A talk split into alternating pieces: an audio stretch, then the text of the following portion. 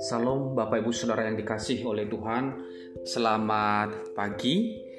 Eh, Kembali di dalam renungan eh, firman Tuhan setiap pagi.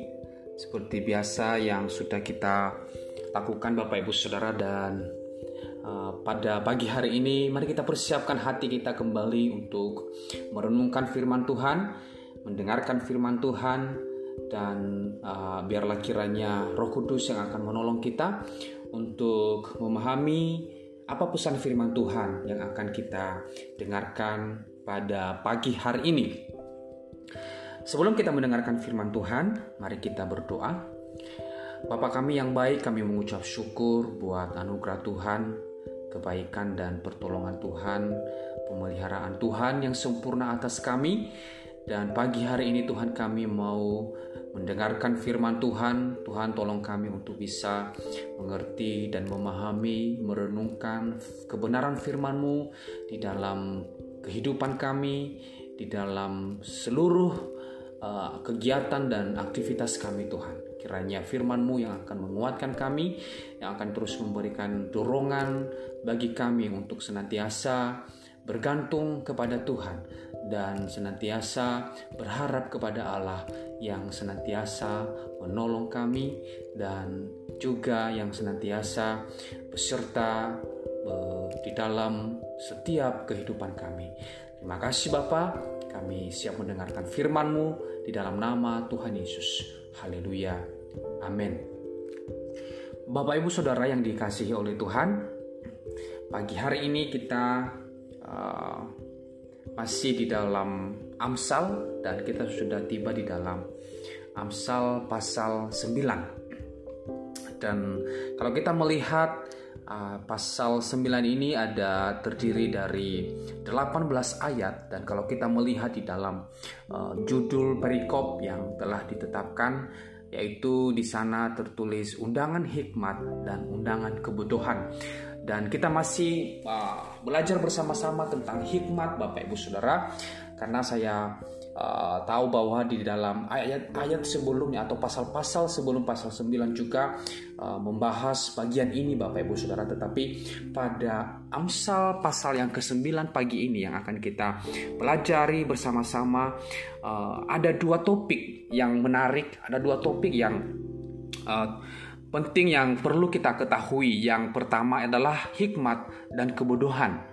Dan dalam dua topik ini Bapak Ibu Saudara uh, seperti memberikan pilihan ya kepada pembaca kalau kita memperhatikan. Tetapi sebenarnya bukan pilihan ya bukan merupakan sebuah pilihan yang harus kita pilih Bapak Ibu Saudara.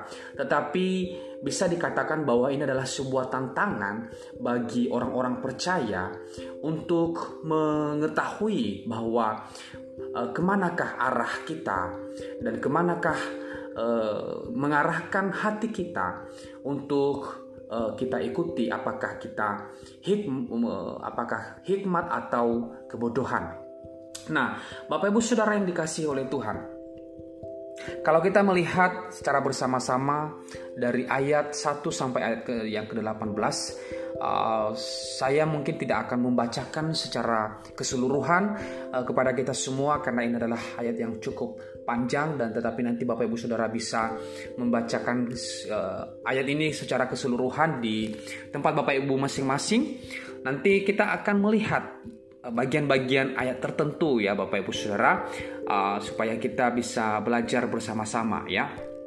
Nah, di dalam Amsal pasal 9 ini Bapak Ibu menutup uh, rangkaian nasihat panjang dari penulis Amsal agar memilih hikmat dan menolak kebodohan dengan sekali lagi mendorong uh, semua orang-orang yang membaca untuk memilih yang benar. Karena resikonya Bapak Ibu Saudara bahwa ketika salah memilih akan berakibat fatal. Nah, penulis Amsal ini menyandingkan kedua pilihan itu sebagai uh, dua wanita yang bersaing memperebutkan perhatian dan minat dari calon pemilihnya. Dan sungguh bukan suatu kebetulan dua kata yang berlawanan ini yaitu hikmat dan kebebalan atau kebodohan dalam bahasa aslinya menyatakan bahwa gambaran perempuan bijak dan wanita bebal.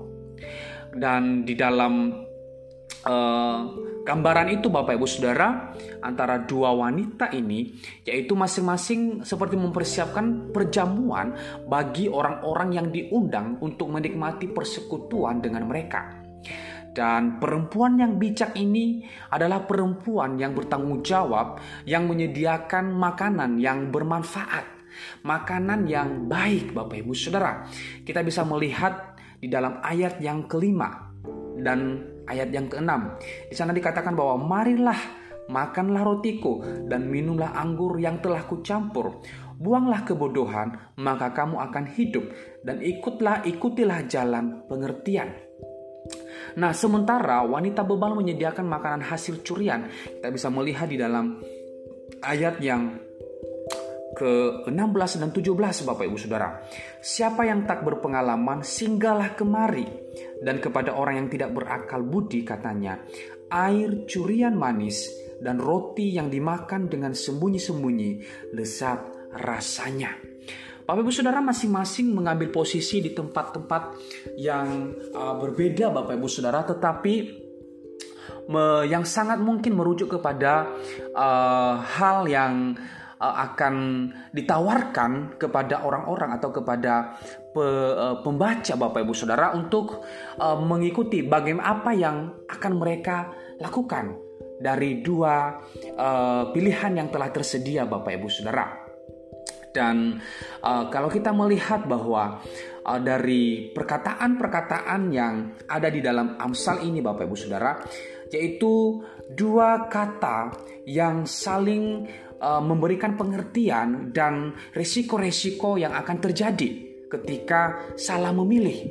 Dan ketika memilih hikmat, maka kehidupannya akan berakal budi tetapi kalau dia memilih kebodohan, maka kehidupannya akan mengarah kepada kehancuran.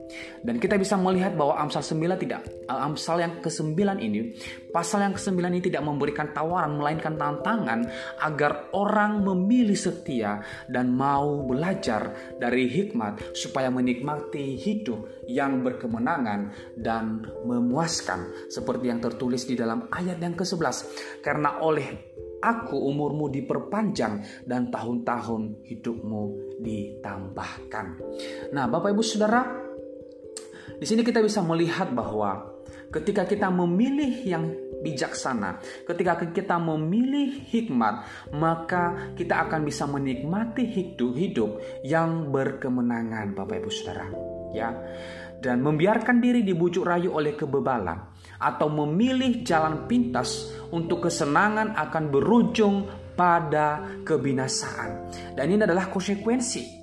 Jadi kalau kita kembali melihat bahwa memang setiap uh, dari penjelasan dari setiap kata ini ada konsekuensi yang akan juga dijelaskan di situ Bapak Ibu Saudara. Dalam ayat yang ke-18 ketika salah memilih maka itu akan berujung pada kebinasaan. Kalau kita melihat dalam ayat yang ke-18, tetapi orang itu tidak tahu bahwa dia bahwa di sana ada arwah-arwah dan bahwa orang-orang yang diundangnya ada di dalam dunia orang mati. Maka ketika salah memilih, ketika memilih jalan kebodohan, maka resikonya adalah berujung kepada kematian.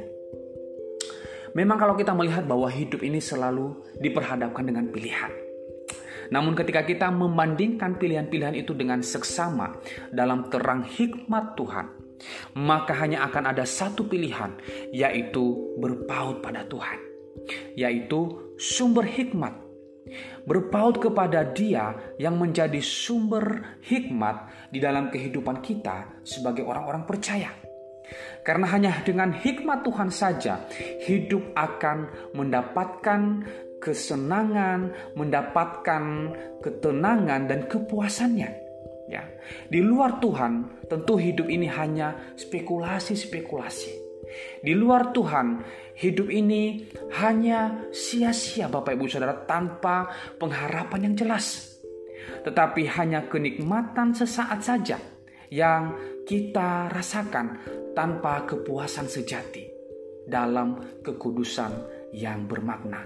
Oleh sebab itu Bapak Ibu Saudara, di dalam dunia ini, baik itu di dalam pekerjaan kita, baik itu di dalam uh, keluarga-keluarga kita, di, di lingkungan kita di mana pun kita berada, kita itu pasti diperhadapkan dengan berbagai macam pilihan. Dan dua pilihan ini selalu ada Bapak Ibu Saudara. Apakah kita memilih untuk bijak, memilih uh, hikmat atau memilih jalan kebodohan? Oleh sebab itu Bapak Ibu Saudara, kita orang-orang percaya kita perlu merepresentasikan Kristus dalam kehidupan kita melalui pilihan-pilihan kita.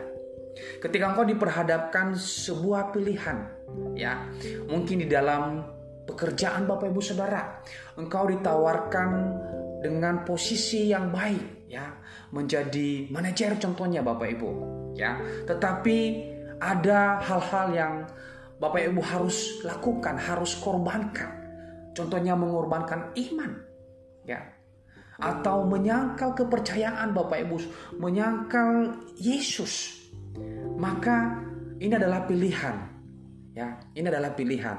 Dan Bapak Ibu Saudara, sekali lagi bahwa setiap pilihan yang kita pilih, maka itu ada konsekuensinya. Dan di sini tadi Amsal ini menjelaskan bahwa ketika kita memilih jalan kebodohan, maka itu akan konsekuensinya akan berujung kepada kebinasaan. Tetapi kita ketika kita memilih jalan hikmat, maka itu akan menuju kepada kekekalan kepada hidup yang berbahagia. Karena kita percaya bahwa sumber hikmat adalah Allah. Ketika sumber hikmat adalah Allah, maka ketika hikmat itu ada di dalam diri kita, maka kita bisa memilah dan memilih mana yang tepat, mana yang baik, mana yang benar, Bapak Ibu. Ya, oleh sebab itu kita perlu bijak dalam setiap pilihan-pilihan yang kita ambil setiap saat. Oleh sebab itu Bapak Ibu Saudara, sekali lagi bahwa setiap hari di mana pun kita berada, kita selalu diperhadapkan oleh pilihan-pilihan ini. Dan ini adalah merupakan tantangan bagi kita sebagai orang-orang percaya. Apalagi kita ya tinggal di tempat atau di lingkungan di mana minoritas. Ya, kita hanya sekumpulan kecil orang-orang percaya di situ. Banyak sekali tantangan yang kita hadapi. Dan kembali lagi kepada pilihan kita. Tetapi ingat Bapak Ibu Saudara, sekali lagi bahwa ketika kita memilih jalan hikmat, ya, maka itu akan berujung kepada kebahagiaan. Ya, akan berujung kepada kebahagiaan dan kesenangan Bapak Ibu Saudara. Ya, seperti yang tadi dijelaskan di dalam Amsal ini, ya, maka kita akan diberikan umur yang panjang Bapak Ibu Saudara di dalam ayat yang ke-11 karena oleh aku umurmu diperpanjang dan tahun-tahun hidupmu ditambahkan. Dan ini adalah suatu kenikmatan yang luar biasa ketika kita berjalan di dalam hikmat Allah, memilih yang tepat, memilih yang benar Bapak Ibu Saudara, maka kita akan diberikan uh, banyak hal yang baik oleh Tuhan.